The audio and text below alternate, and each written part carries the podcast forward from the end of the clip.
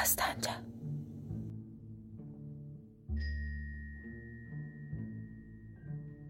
Bu gün mən Səttar Zeynəlabidinovun evinə nahar etməyə dəvət olmuşdum.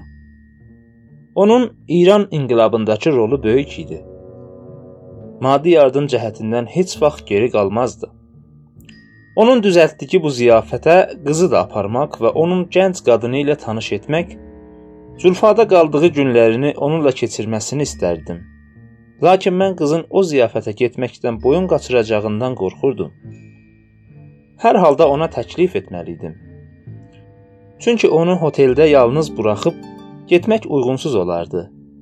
Ehtiyatla yanaşaraq "Xanım qız, sizə bir söz demək istərdim. Bilmirəm, sözümü qəbul edəcəkmisiniz?" dedim. Sizin hər bir təklifinizi bir dost məsləhəti kimi qəbul etməyə hazıram. deyə qız cavab verdi. Məni yaxın dostlarımdan birisi nahara dəvət etmişdi.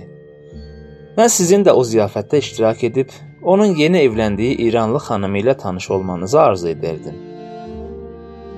Qız heç düşünmədən dedi: "Belə təkliflərdə siz Hanna, qalx filan yerə gedəcəyiz deyə bilərsiniz.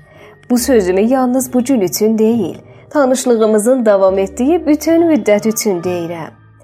Çünki mən artıq sizinlə tanış olmaqla şərəfdən, qorxusuzluqdan başqa bir şey görmədim. Hmm, İndimi getmək istəyirsiniz? Bəli, indi getməliyik. Elə isə, hmm, 15 dəqiqəlik vaxt verin. deyə ayağa qalxdı.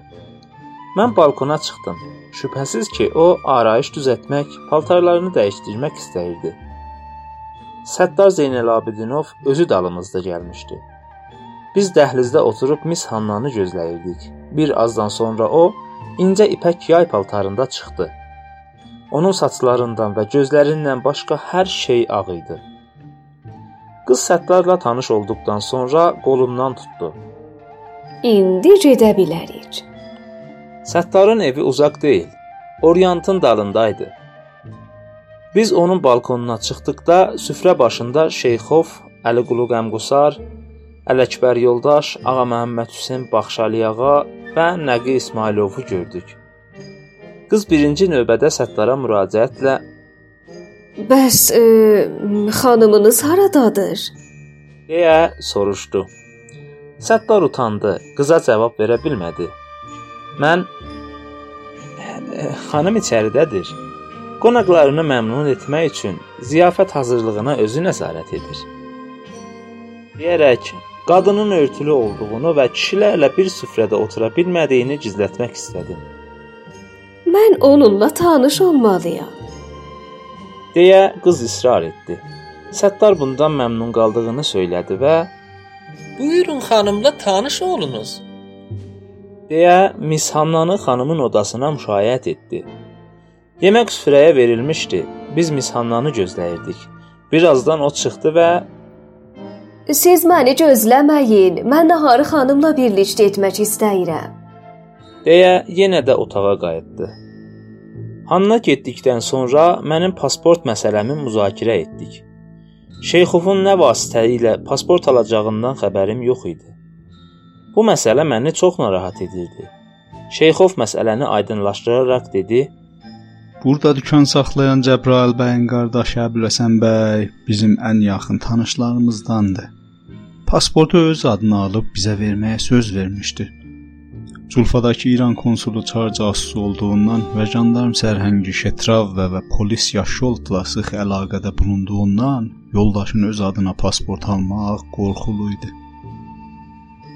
Şeyxov bu sözlərdən sonra pasportu cibindən çıxarıb mizin üzərinə qoydu. Mən öz kiçik əksimi pasportun üzərinə yapışdırmalı idim. Çünki onsuz pasportun etibarı yox idi. Əksin üzərinə də konsulun möhrü vurulmalı idi. Şeyxov Səttarın qulluqçusunu çağırıb "Get, konsulun katibi Həsəni tap. Söylə ki, Şeyxov səni çağırır." Deyə tapşırdı. Biz hələ naharı bitirmədən Həsən gəldi. Şeyxov pasportu ona verib dedi: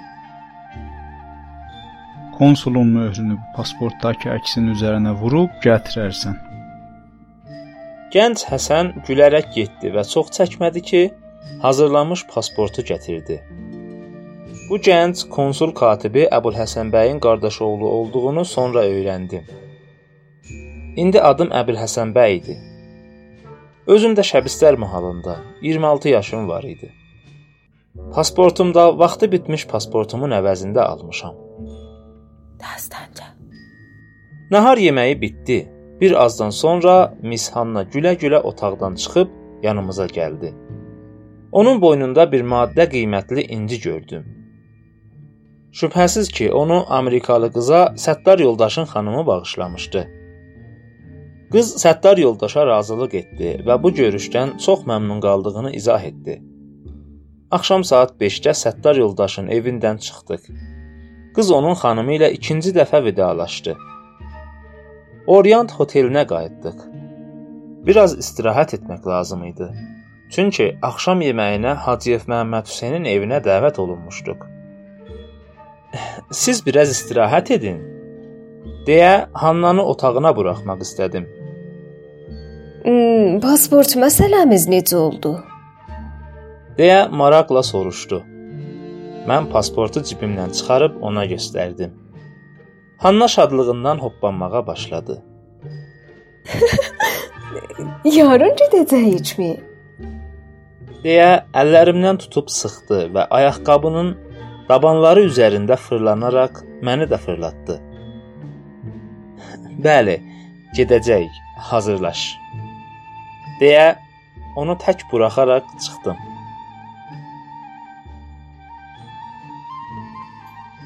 Dastanca.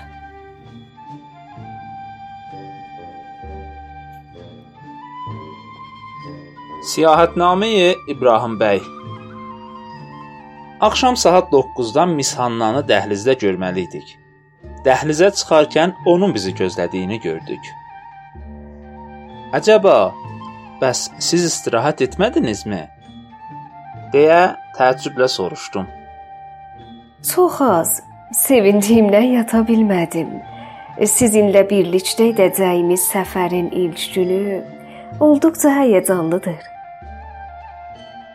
deyə utandığından başını aşağı salıb gözlərimə də baxa bilmədi. Mən onu bir daha bu məzmun üzərində danışdırmaq istəməyərək dedim: "Səfərimizə bu qədər qiymət verdiyinizi bilmirdim. Hər halda sizin Təbrizə qədər olan səfərinizdə rahatlığınızın təmini üçün çalışacağam. Lakin onu da demək istərdim ki, məndə bir fövqələdəlik yoxdur. Sizə qarşı olan hörmətim ancaq kişilik vəzifəsi daxilində olan xidmətlərdir. Sizin tək olmanız, xüsusən uzaq bir ölkədən inqilab etmiş bir ölkəyə düşməyiniz hər bir adamın sizə hörmət bəsləməsini tələb edir. Qız mənim qolumdan tutub gedir və danışırdı. O yenə də söhbəti mənim ona etdiyim hörmətlərin üzərinə gətirib dedi: E, mən sizin fövqəladə və hörmətli bir musafir olduğunuza inanıram. E, lakin ona müəyyən bir şəkil verməkdə acizəm. E, hörmətiz hər kəsin yanında yüksəkdir. E, lakin bu hörmət bir tacirə olan hörmətin fövqündədir. Hmm, Doğrusu, sizin şəxsiyyətiniz məndə o qədər yüksək bir təsir buraxmışdır ki, onu idarə etmək, onu müəyyən bir qalibə salmaq imkanı əldə edə bilmirəm. Kim bilir, bəlkə hmm, ə, mənim qadınlığımın da bu təsirin yüksəlməsi işində bir rolu var. Miss Hanna sözünü bununla bitirdi. Mən onun utandığını, hətta titrədiyini hiss edirdim. Qolu qolumdaydı. Qızın bütün həyəcanlarını hiss edirdim. O Hacıyevin qapısından içəri girincəyə qədər nə danışdı, nə də üzümə baxdı. Biz içəri girdikdə orada tanış yoldaşlardan başqa bəzi tanış olmayan qonaqların da olduğunu gördük. Bunların İrandan gəlib Məkkəyə gedən hacılar olduğunu sonradan öyrəndik. Məhəmməd Hüseyn Hacıyev yoldaş bizi onlarla tanış etdi. Mishanna İskəndərxanın və Məhəmməd Müctəhidzadənin əlini sıxıb tanış oldu. Növbə Şeyx Nəsrullah salama gəldikcə qız tərəddüd göstərməyə başladı. utandı və ya cəsarət etmədi. İrəli gəlin, xanım qız. deyə Nəsrullah salam ona müraciət etdi. İrəli təşrif gətirin. Mən əvam və köhnəpərəstlərdən deyiləm. Nəsrullah salam qıza əlini uzatdı. Qız da onun əlini sıxıb Əli Əkbər yoldaşla mənim aramda oturdu. Nəsrullah salam Məhəmməd Hüseyn ağa yoldaşa müraciətlə Yəqin ki, ağanın xanımıdır. Deyə Miss Hannaya və mənə işarə etdi. Məhəmməd Hüseyn yoldaş isə Xeyr, musafirdir. Yolda tanış olmuşlar. Hər ikisi də Təbrizə gedəcəklər. dedikdə Nəsrullah salam yenə də Xeyli xoş. Munis və məhcub xanımdır. Çox da baədəbdir. Nəsrullah salam bu sözünü deyərək qəlyanını çəkməyə başladı. Heç kəs danışmırdı, ancaq mən qızın qulağına bunun əvam və köhnəpərəst deyiləm deməsinə inanmayın. O elə yenə də köhnəpərəstdir.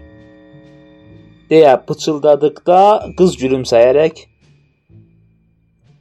در آن مسئله شبهه ندارم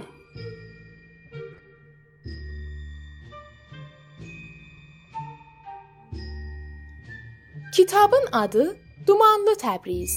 Yazar Məhəmməd Səid Ordubadı. Hazırlayan Nurullah Purşərif. Bu bölümdə səsləndirdilər: Ravi Əhməd Qurbanı, Mis Hanna Mina Purheydər, Şeyxov Mehdi Şiri, Sətar Əli Səlmanzadə, Şeyx Nəsrullah Səlam Mehdi Miyablı, Məhəmməd Hüseyn Yoldaş Riza Hüseyn Nəcad. Düzənləyən Səccad Müslimi. Yönetmən Saray Tahiri. Bizim axağa qatılmaqla işimizin ardını tutmaqda bizə dəstək olun. Axağımızın adresi Dastanca. D A S T A N C A